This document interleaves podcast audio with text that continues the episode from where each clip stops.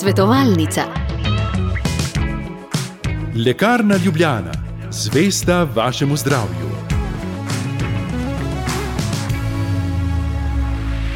Dobro jutro, spoštovani poslušalci, lepo zdrav v naši svetovalnici, ko bomo danes govorili tik pred svetovnim dnem o spanju, prav o tem pomembnem delu našega življenja, tako kot zdrava hrana, kakovostno prehranjevanje, tudi redno gibanje, telovadba, je spanje temelj posameznikovega fizičnega, duševnega in socialnega počutja. Vprašanje pa je, če ga tako dojemamo. Vendarle se počasi zdi, da se stvari premikajo. No, nekaj o tem tudi v današnji oddaji, kjer lepo pozdravljam somnologinjo iz Centra za motnje spanja, docentka dr. Barbara Gnidovic, Gnidovec Tražišar. Lep pozdrav, dobro jutro. Dobro jutro. O povezavi med spanjem, motnjami spanja in pa srčno-žilnih bolezni bova govorila. Eh, pa bi vas za začetek prosil, če um, mogoče malce poveste, zakaj je pravzaprav spanje pomembno. E, namreč nekje ste sami navedli en zanimiv citat pionirja raziskovanja spanja. Če spanje ni absolutno življensko pomembno, je zapisal Alan Rehčafen, potem je spanje največja napaka, kar jih je nastalo v evolucijskem procesu. Tako je, ne? še posebej, če pomislimo, da praktično prespimo eno tretjino svojega življenja. Zdaj, zakaj vse je pomembno spanje, pravzaprav niti ne vemo. Verjetno bodo prihodna leta, desetletja še prenesla dodatne odgovore. Vemo pa že veliko eh, stvari, zakaj pravzaprav na, je spanje pomembno, oziroma katere funkcije so motene, če ne spimo dovolj ali naše spanje ni dovolj kvalitetno. Nedvomno vemo, da brez spanja ni življenja. Spanje je zelo pomembno za naše imunske procese. Ne na zadnje, na poskusih, ki so jih delali na miškah, so te poginile po dolgotrajni odzemanju spanja ravno zaradi okužb. Vemo, da v spanju potekajo številni procesi, izločajo se nekateri hormoni. V zadnjem desetletju vemo, da v spanju poteka tudi neke vrste čiščenje možganov. Raziskovalci so dokazali, da se s spanjem odstranjujejo razgradni produkti, katerih kopičenje sicer lahko vidimo pri razvoju nekakšne demence, kot je recimo Alzheimerove demence. Se pravi, da je pomembno zato, da ne razvijemo demence. Vemo, da za šolojoče otroke, mladino je spanje zelo pomembno, predvsem za njihove spominske funkcije, za njihovo akademsko uspešnost, kajti v spanju poteka pretvorba kratkoročnega v dolgoročni spomin. Po drugi strani v spanju zbrišemo tiste nepotrebne spomine, ki smo jih nakupičili preko dneva, zato da so naši možgani naslednji dan ponovno pripravljali na učenje in pridobivanje novih informacij. Eh, se pravi, spanje je tudi pomembno za regulacijo telesne temperature, za izločanje, kot smo že rekli, različnih hormonov. Tako da funkcije spanja so res številne. Mogoče se jih vseh ne zavedamo, predvsem pa vidimo, kakšne so lahko posledice nezadostnega oziroma nekvalitetnega spanja. Ja, zdi se, da je vedno več raziskav namenjenih eh, temu pomenu spanja, eh, tudi v svetu. Po drugi strani pa se zdi, da tudi vedno manj spimo. No, sej, odkar je prišla elektrika, je ta trend šel navzdol, glede količine spanja in glede samega ritma spanja. Um, je kaj novega v zadnjem desetletju ali dveh glede eh, teh faz spanja, kako so pomembne, kako so razporejene? Zdaj, kar se tiče same arhitekture spanja, se pravi struktura spanja, so to odkritja, ki so pravzaprav že vse od odkritja eh, tako imenovanega aktivnega ali rem spanja nekako znana in tukaj pravzaprav veliko sprememb ni. Mi vemo, da preko cele noči seveda eh, naše stanje ni enako in tudi to, to nekdanje mišljenje, da v spanju možgani počivajo, vemo, da že dolgo to ne velja. Eh, kajti v določenih delih spanja, kot je naprimer aktivno spanje oziroma rem spanje, ki je poimenovano po hitrih očesnih gibih, ki jih vidimo v tej fazi spanja. Takrat so možgani zelo aktivni, pravzaprav tako aktivni kot v budnosti. In ne samo možgani, tudi srčni utrip se lahko poviša takrat. Ne? Tako je. Takrat je ponavadi srčni utrip tudi lahko nereden, mhm. ne?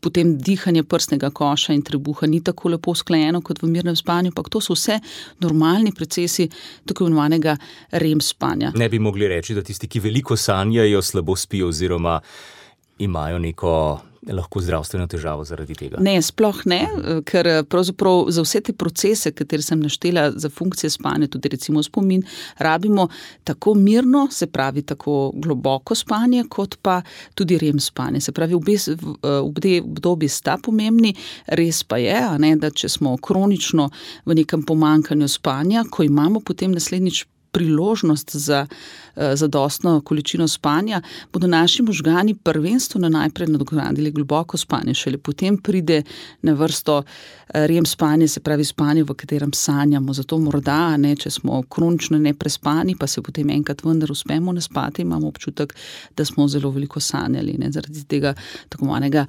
rebound fenomena oziroma povratnega fenomena REM spanja. Pravi se spet vzpostavi to razmerje med fazami in to verjetno traja nekaj časa. Ne? Tako, te faze se preko celo noči v bistvu izmenjujejo v nekakšnih takšnih periodičnih ciklusih spanja in eh, te ciklusi preko cele noči niso enako, enakomerno razporeni v smislu deleža ene in druge faze spanja. Cikl spanja je pri zdravem odraslem človeku dolg približno uro pa pol do dve in na koncu vsakega ciklusa spanja se za trenutek prebudimo, običajno obrnemo na drugo stran in spim, ponovno zaspimo. In v prvem delu noči imamo predvsem glavnino globokega spanja, bolj ko gremo proti jutru, imamo pa pravzaprav samo še lahko spanje, spanje, v katerem sanjamo. Mhm, ne bi pa mogli reči, da je recimo ta faza globokega spanja, ki ga tudi morda. Kakšne od teh aplikacij ali ročne ure izpostavljajo, ne, ker merijo to globoko spanje, pomembnejše od ostalih faz?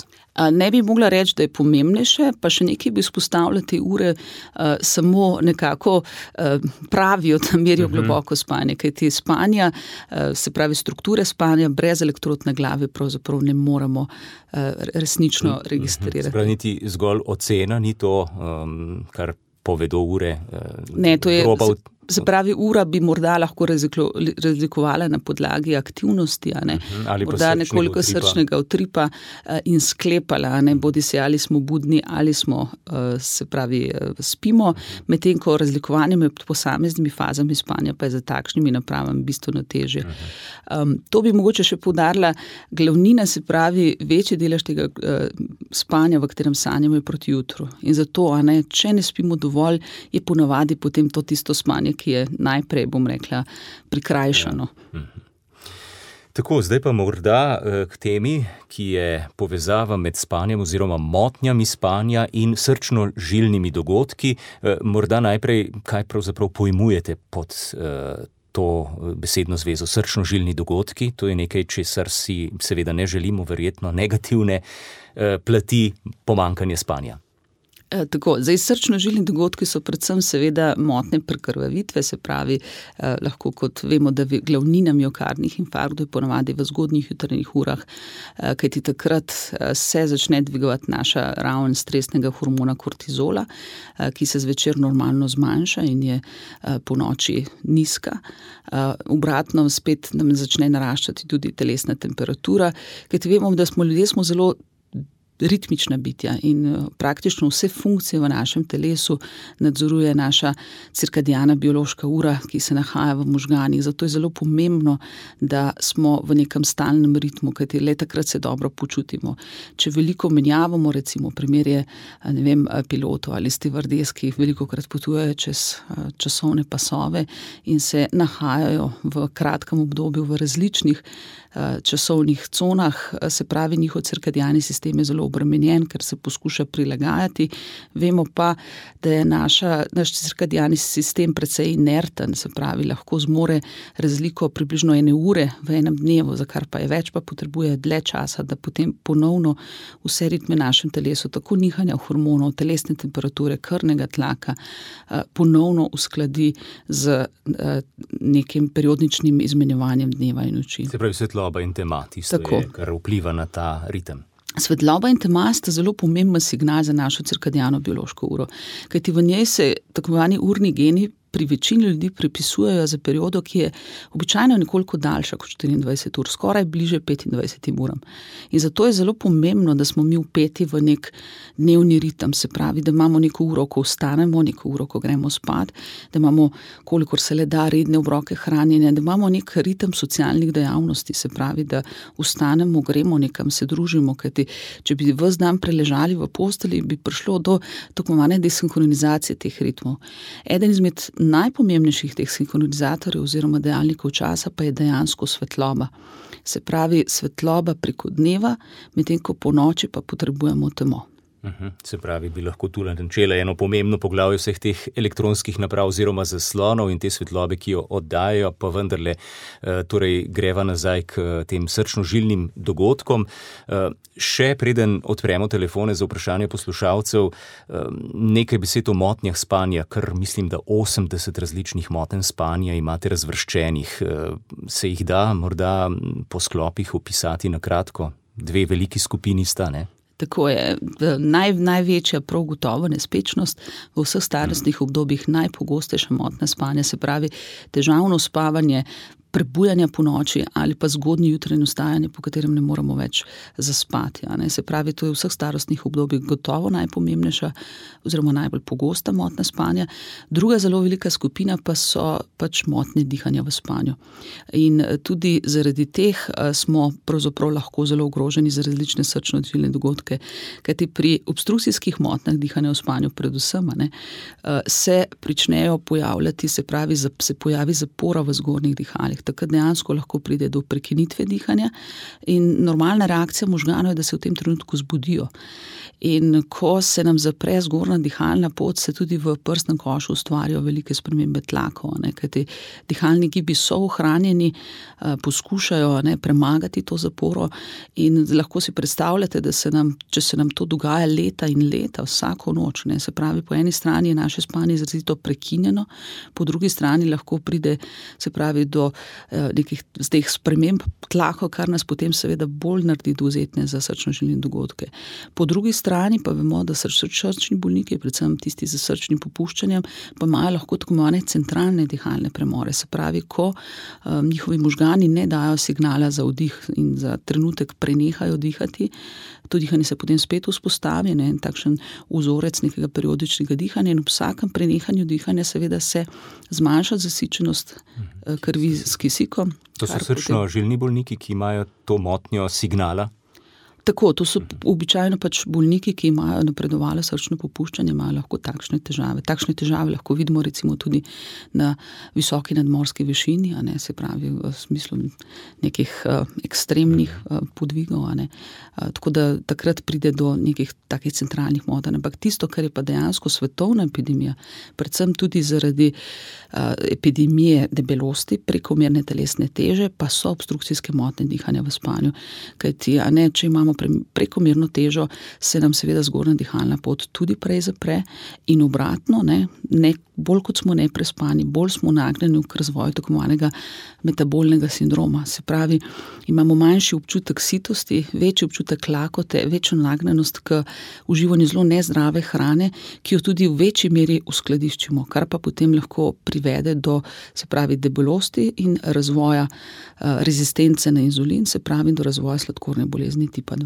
Mhm. In to je spet cela vrsta teh zapletov srčno-žilnih bolezni. Skratka, je neposredna povezava med spanjem in pa, da nimo, če rečemo tako, kar um, neko kapjo ali pa uh, sladkorno boleznijo, povišanim krvnim tlakom. Tako je, to so vse zelo pomembni, se pravi, ogrožujoči dejavniki in so običajno vedno povratno zvezani. Se pravi, na eni strani to vrstne bolezni lahko vplivajo na slabše spanje, in po drugi strani motne spanje potem tudi vplivajo na, na te bolezni. Tako da z tega stališča, kot smo omenjali na začetku, je spanje ena izmed osnovnih življenjskih potreb, ne, ker bi tudi mogli več delati, bom rekla, na preventivi. Se pravi, pomankanje spanja pa vodi v ta začarani krok iz katerega je mogoče priti?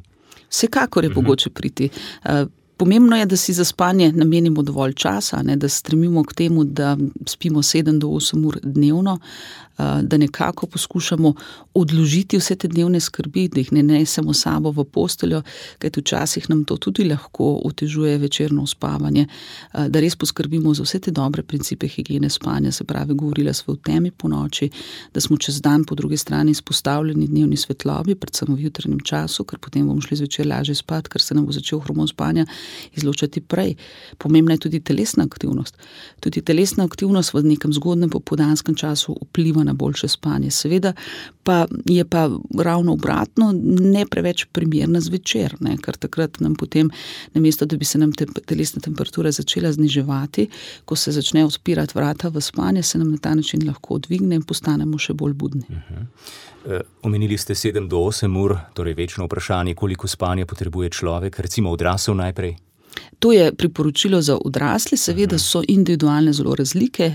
Obstaja zelo majhen delež tako imenovanih malih spalcev, ki imajo pravzaprav že dovolj pet ali celo štiri ure spanja. Obstajajo. In obstajajo, ampak so zelo redki. Ne? Mhm. Veliko krat veste, da se nekateri pravzaprav hvalijo. Ja. Napoleon je bil eden izmed takih, tudi Donald Trump se je pohvalil, da on spi samo 4 ure na dan, kar pa seveda ne, eh, je pravzaprav tudi potem eh, vprašljivo, kakšno je naše dnevno funkcioniranje ne? in ali je to res tista eh, zadostna količina mhm. spanja. Zanimivo, da je pomankanje spanja pravzaprav primerljivo z alkoholiziranostjo.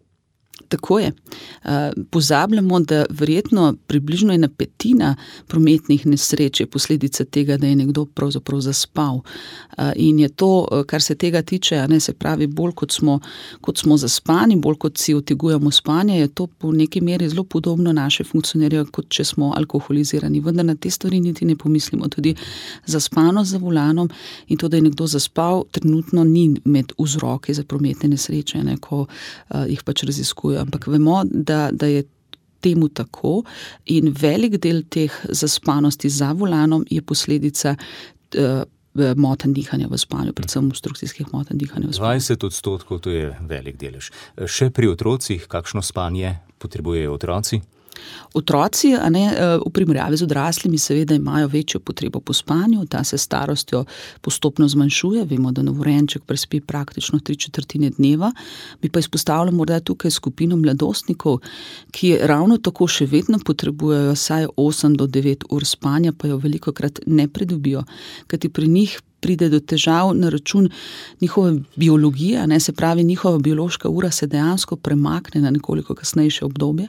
Eh, se pravi, mi se bodi si rodimo kot škarjančki, se ki gremo zvečer raje prej spat in potem zjutraj lažje ostanemo, in pa sovice, ki pa grejo spat kasneje in potem tudi zjutraj teže ostanejo.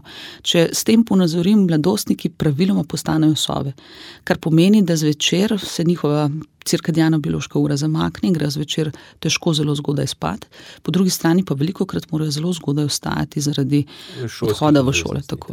Mhm.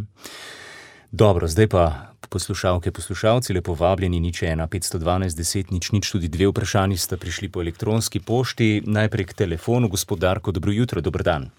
Dober dan, dobro jutro, hvala prvemu. Mi pri 65 letih smo že škrijančki. Profesor, eh, ja, profesorica se je učila v gimnaziji pred 50 leti, da si zapomnimo eh, samo zadnje dve ure spanja. Eh, sanje, samo zadnje dve ure spanja se sanje zapomnimo. Prej, da si ne zapomnimo, sanjamo, da pa celo noč. Moje vprašanje bi pa bilo, a tukaj sanja, ki pomenijo dejansko v bodočnost ali ne? Pa recimo to, ki pravijo nekateri, ne, da se žival vleže tam, da čuti potres, če je res kaj na tem.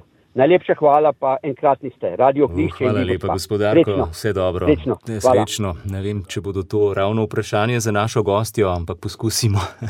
Glede kuško in napovedovanja potresov, ja. ne vem, bi pa lahko rekel, da, da uh, obstaja zapisi tudi, da je ne samo, da kuški prepoznajo oziroma začutijo, za potres začutijo, da lahko tudi epileptične napade pri bolnikih nekateri. Ne? Da, predhodno. Predhodno ne? in upozorijo v bistvu ob tem.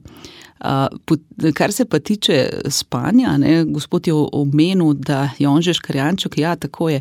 Jaz sem omenjala mladostnike, pri katerih se cirkadijana biološka ura zakasni, pri starostnikih pa preide na zgodnejši čas. Ne, se pravi, se potem zgodaj zvečer bolj uspavajo in potem zjutraj lažje vstajajo. Eh, zdaj, kar se pa tiče sanjanja, res je to, da sanjamo preko cele noči. Res vemo tudi, da sanjanje ni izključno omejeno na REM fazo spanja, ampak da lahko sanjamo tudi v NEREM fazi spanja. Seveda je za spominjanje sam pomembno, da se zjutraj zbudimo iz te faze spanja in potem se spomnimo, kaj se nam je sanjalo. In veliko krat so sanje povezane z našimi dogajanji preko dneva. Ne. Poznamo tudi neko motno spanje, tako imenovane nočne more, kjer se lahko zbujamo zelo prestrašeni, se spominjamo neprijetne vsebine spanja in je veliko krat to povezano s kakšnimi neprijetnimi dogodki, s kakšnimi stiskami, ki jih imamo čez dan. Predvsem je to značilno za otroke. Recimo praktično dve tretjini otrok ima enkrat v življenjskem obdobju neke nočne umore, ki so lahko prezentacije razno raznih skrbi, ne vem, prihoda sorojenca, kakšnih težav v šoli ali podobno. Hvala lepa za odgovor. Uh, gremo kar naprej k naslednjemu. Dobro jutro, dober dan. Kdo je z nami? Dober dan, Elizabeta pri telefonu. Elizabeta, pozdravljeni, kar povejte. Ja, jaz pa kličem zaradi hčerke, ki je stara 18 let in ima že v bistvu vse čas se sooča s to svojo nespečnostjo, da uh, po noči, mislim, zvečer ne more zaspati. Ne, ona je utrujena, je zaspana, gre spat, ne vem, ob desetih pa do tam do polnoči enih ne more zaspati. Kako ji pomagati? Kako ji pomagati? Ja. Dobro, hvala za vprašanje. Hvala vam, nasvidenje. Srečno. Torej 17 let je rekla, 18. Tako je zdaj. Um, nespečnost je pravzaprav ne ena bolezen, ampak skupina bolezni. Se pravi, vzroki za nespečnost so lahko zelo različni.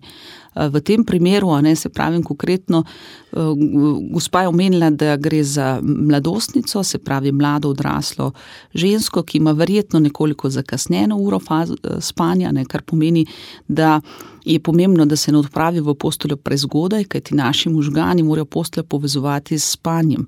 Vkolikor v posteli preživimo veliko časa, popolnoma budni, potem seveda lahko pride do tako manjega razvoja psihofiziološke nespečnosti. Pomembno je, da takrat, ko ne moramo spati, da vstanemo, da poskušamo neko drugo mirno aktivnost in ko čutimo spet, da smo postali zaspani, se ponovno uležemo v postelji in poskušamo spati. Pomembno je, ne, kaj počne zvečer, se pravi, da zvečer pred spanjem nimamo nekih obilnih obrokov, da se izogibamo poživilom, da se izogibamo modri svetlobi, predvsem eh, strani um, teh raznih elektronskih naprav. In kot smo že omenjali prej, da poskušamo, da svojih skrbi ne nesemo sabo v posteljo, kajti takrat potem ne, se začne to premljevati, kar še dodatno otežuje spanje. Uh mhm. -huh. Vzroki bi bili lahko zelo različni, lahko gre tudi za kakšne, bom rekel, čez bolezenske težave. Tako da tukaj bi bilo malo preveč, premalo podatkov.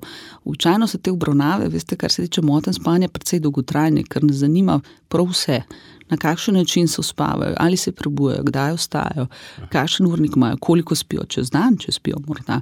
Vse to je pomembno. Kajti, če želimo zvečer zaspati, ne samo, da mora biti naša biološka ura pravilno nastavljena, če temu tako rečem, pomembno je tudi, da ne beremo preko dneva dovolj tako imenovanega spalnega pritiska. Se pravi, to je ta homeostatski proces, in okolikor ga čez dan preveč spustimo z nekim počitkom ali z daljšim spanjem, potem seveda lahko zvečer pride do težav. In še tukaj bi še enkrat izpostavila mladostnike, ne samo, da se jim ura premakne, tudi to nabiranje spalnega pritiska je pri njih bolj počasno. Se pravi, zelo pomembno, kaj gospodična počne tudi preko dneva, kot sem omenila, telesna aktivnost in podobne stvari. Torej, kup enih razlogov pri vas, morda v centru spanja, eh, tudi obravnavate to vrstne probleme, kako je mogoče priti do vas? Centr za motne spanja za deluje v, na Finžgorju v Ljubljani mhm. in ma, nas lahko najdete na spletni strani www.motne-spanja.si in se tam dogovorite za pregled. Gospod France, dobro jutro, dober dan. Ja, dober dan. Halo? Izvolite, povejte vprašanje. Jaz, da, jaz lepo pozdravljam uh, gospod doktor in vas oba, pa bi vpra, nekaj vprašal. Jaz se že približujem 90 letom. Sem tudi drugač srčno živi bolnik, uh mhm. -huh. ampak zadnje leta imam probleme z spanjem. Enkrat spim, dva, dve noči ne, pa spet pa to. In bi nekaj vprašal, kaj naredi, kaj najbolj pametno narediti zvečer? Pred spanjem, da te spanc zagrabi. Da pride jaz... spanec, ja. Mhm. Ja, da pride spanec. A ste, eh, imate srčno popuščanje ali kakšno drugo srčno bolezen? Imam srčno popuščanje, se, se, sicer se zdravim že 30 mhm. let, ne. Mhm. Samo pač. Vam, zdaj se je pač stanje poslabšalo, glede spanja, pravite. Ja, zdaj. Dobro. Ja. Hvala za vprašanje. Prosim. Ponovno bom rekla, ne, lahko je, gre za kombinacijo česar koli, se pravi, tudi ne na zadnje zdravila, ki jih jemljemo, lahko vpliva na spanje. Ampak jaz bi mu vsekakor priporočila, kot rečemo, pravila, zla, zlata pravila dobre higiene spanja.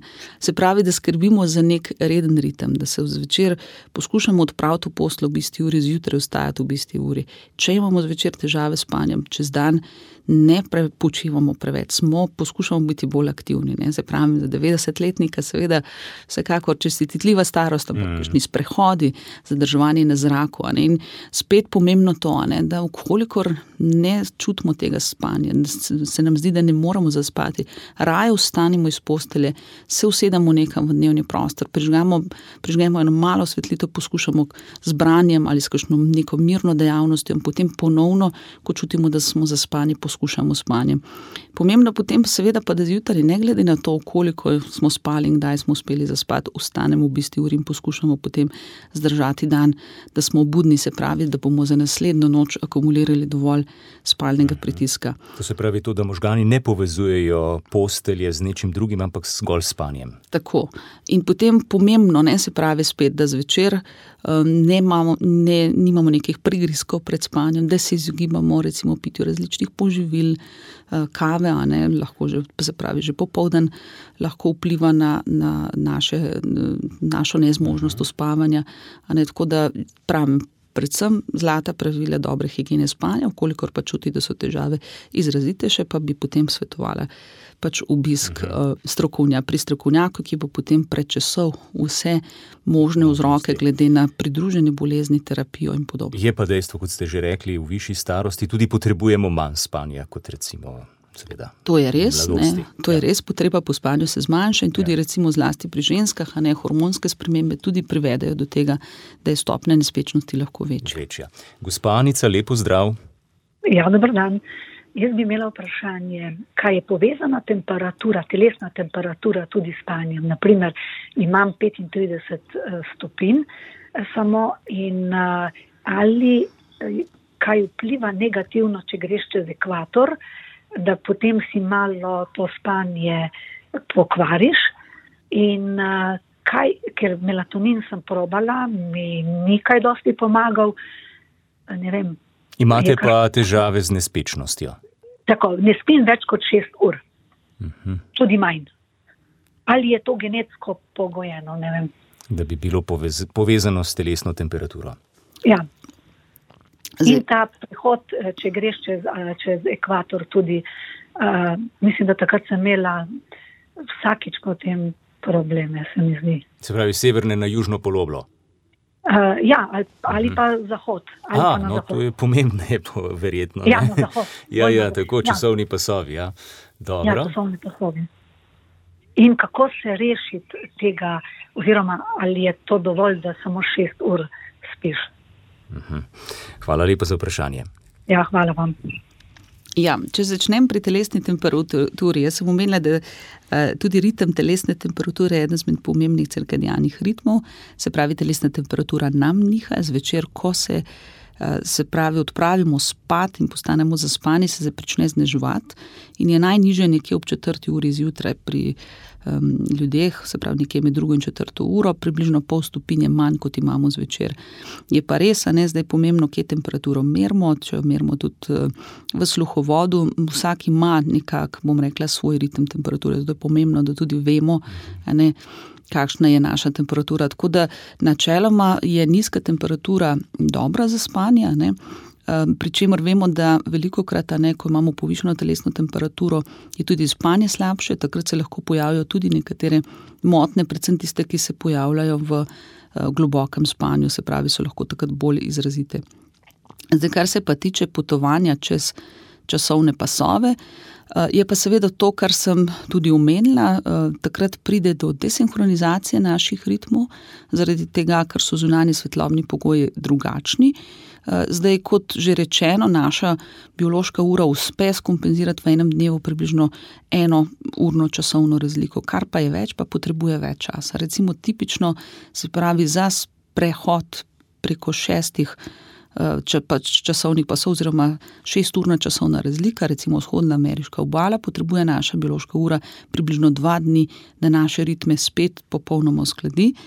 In takrat v tako imenovanem jet lagu vemo, da se ne počutimo najbolje. Ne? Takrat uh, ti ritmi, se pravi, in kar se tiče prehranjevanja, kar se tiče telesne temperature, spanja, niso lepo usklajeni.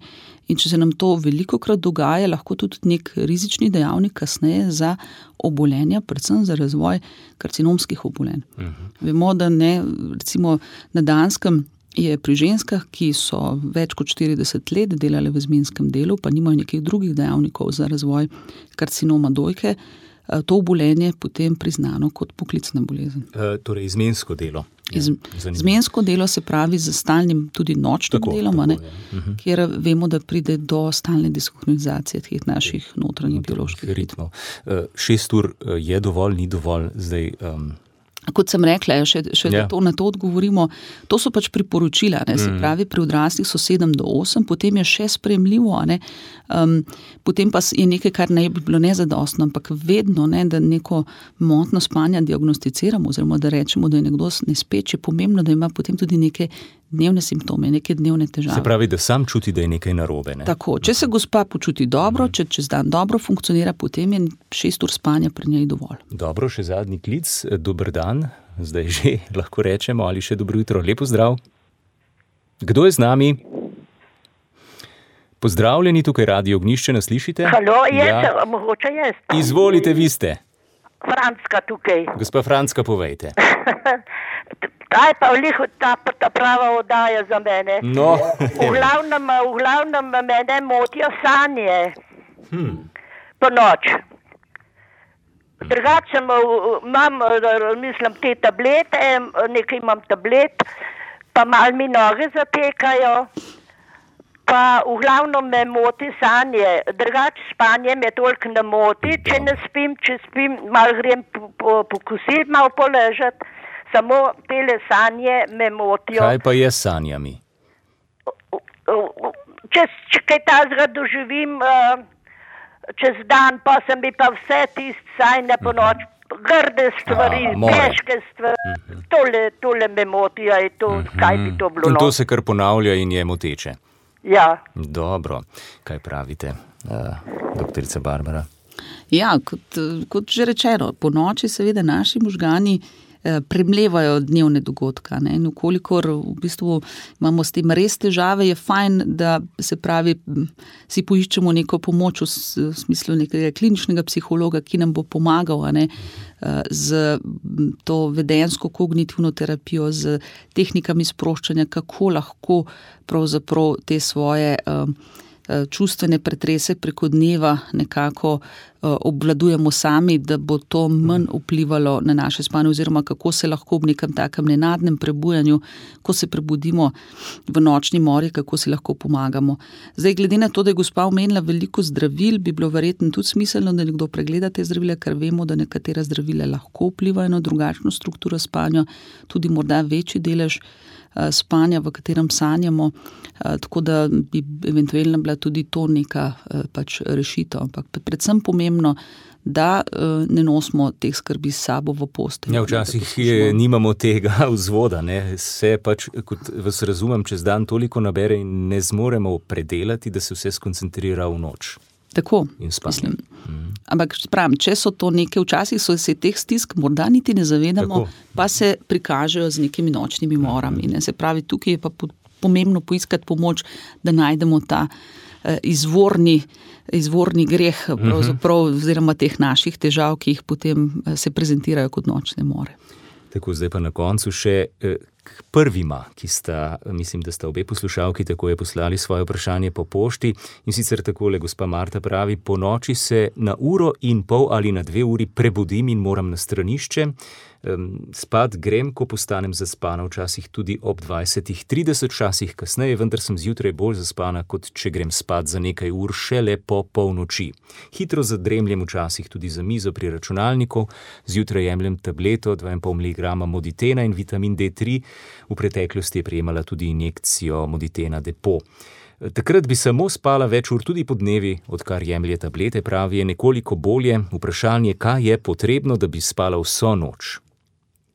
Zdaj, predvsem je potrebno eh, pri gospe izključiti, da nima kakšne pridružene motne spanje. Zdaj, omenila je, da veliko hodi na vodo. Ja, sprašuje tudi, ali je to povezano z inkontinenco. Očitno nima še tega odgovora. Zdaj, ukolikor lahko pač zdržuje, ne, se pravi, potem verjetno to ni povezano z inkontinenco, razen če je to njen nek vzorec. Ampak mm. hočem reči, uh, pogosto uriniranje lahko tudi posledica motenj dihanja v spanju. Ne. Zdaj, sicer um, rečeno, kot rečeno, mi se normalno fiziološko prebujamo, ne, ampak vendar so ta prebujanja na uro, pa pol do dve, ko gremo iz enega ciklusa spanja v drugega, običajno pač kratka. Kolikor pa po noči pogosto hodimo na vodo, se zjutraj zbujamo nespočiti, ne prespani, ne, potem je seveda tudi možno in potrebno pomisliti, sploh pri ženskah v menopauzi, ko vemo, da so tudi motne dihanja v spanju pogostejše, da se pač to preveri, da se naredi ustrezna diagnostika, se vidi, kaj je pravzaprav lahko vzrok. Samo ten pa tu ima vlogo, nima. Mm, težko reči. Težko reči. Dobro, se pravi, obisk v centru za motnje spanja bi lahko utegnil pomagati. Kolikor ne, mhm. ima tako ja. kot pravi, gospa nedvomno, čezmerno dnevno zaspanost, to je zagotovo vzrok za obisk uh, zdravnika. In še zadnje vprašanje, ki je ja, aktualno za vse nas, sprašuje poslušalka, kako zelo nam zmoti spalni ritem eh, vsem otrokom, zaposlenim, celo kuškom, pravi, ker dvakrat letno brez veze premikamo uro naprej in nazaj in s tem ne prihranimo nič energije, ne privrčujemo. Eh, skratka, omenja tudi Nobelovo nagrado iz leta 2017 ob odkritju natančnih mehanizmov teh ritmov, o katerih smo govorili, cirkadijanih ritmov pri živih bitjih. Eh, prosi hm, tudi vas, da prenehamo premikati ure, sej ne mislim vas konkretno, ampak vse, kako to vpliva in pač um, nek poziv je to, morda tudi zdaj pred svetovnim dnem spanja 17. marca, ga bomo obeležili. Jaz se ne bi mogla bolj strinjati z gospod in moram reči, da tukaj uh, konkretno smo zelo aktivni. Jaz sem sama tudi predsednica odbora za medicino spanja pri Evropski zvezi za motne spanja, kjer smo naredili celo kampanjo kar se tiče te menjave ura. Eh, k sreči smo takrat pravzaprav skoraj da uspeli, Evropski parlament je že sprejel sklep. Tako, potem je pa prišla bomo, korona. Potem je pa prišla korona in se je nekako vse zamaknilo uh, zaenkrat do leta 2026, sicer zdaj je skupina evropskih poslancev dala pobudo, da bi to ponovno to uživili. Vendar pa moram tukaj upozoriti, da moramo biti pri tem zelo modri, predvsem seveda. Eh, nekako je sicer ta odločitev prepuščena državam članicam, vendar pomembno bi bilo, da se vsi uskladimo glede, eh, glede časa in tukaj strokovnjaki absolutno preferiramo tako manj standardni čas. Mi ne uporabljamo konotacije zimski čas, ker je ta no, konotacija že nekako negativna. Vemo pa, da takrat po tej odločitvi Evropskega parlamenta je bila upravljena ena velika raziskava v Evropi sredi poletja, uh mhm. -huh. ko so ljudi spraševali, kaj bi raje imeli dolgo poletje, tako kot sedaj, se pravi poletni čas, ki se seveda poleti sliši krasno, poletje je nekaj lepega, toplega, ali bi raje imeli zimski čas. In takrat se je večina evropejcev odločila, da bi raje, in tudi med njimi so bili tudi slovenci, da bi raje imeli poletni čas. Tukaj pa absolutno se strokovnjaki s tem ne strinjamo, predvsem, ne, še, še posebej jaz, glede na to, da se ukvarjam večinoma z mladostniki, predstavljati si, kaj bi to za njih pomenilo v jesenskem in zimskem času, kdaj bi prvič ugledali dnevno svetlobo če bi uh, dejansko šli v to, da bi mhm. sprejeli uh, na mesto standardnega celoletni poletni čas. Torej, standardni čas, poziv spet, da se ukrepi. Eh, z naše strani pa iskrena zahvala, dr. Barbara Gnidovic Stražičar, da ste bili z nami, da še kdaj pridete, očitno zanimanje veliko, vprašanj še veliko, pa žal časovno ni šlo. Eh, vse dobro, dobro obeležite tudi tale dan, ki pride vsako leto. Hvala lepa in hvala za povabilo. Svetovalnica. LL Viva, specializirana prodajalna z medicinskimi pripomočki. LL Viva.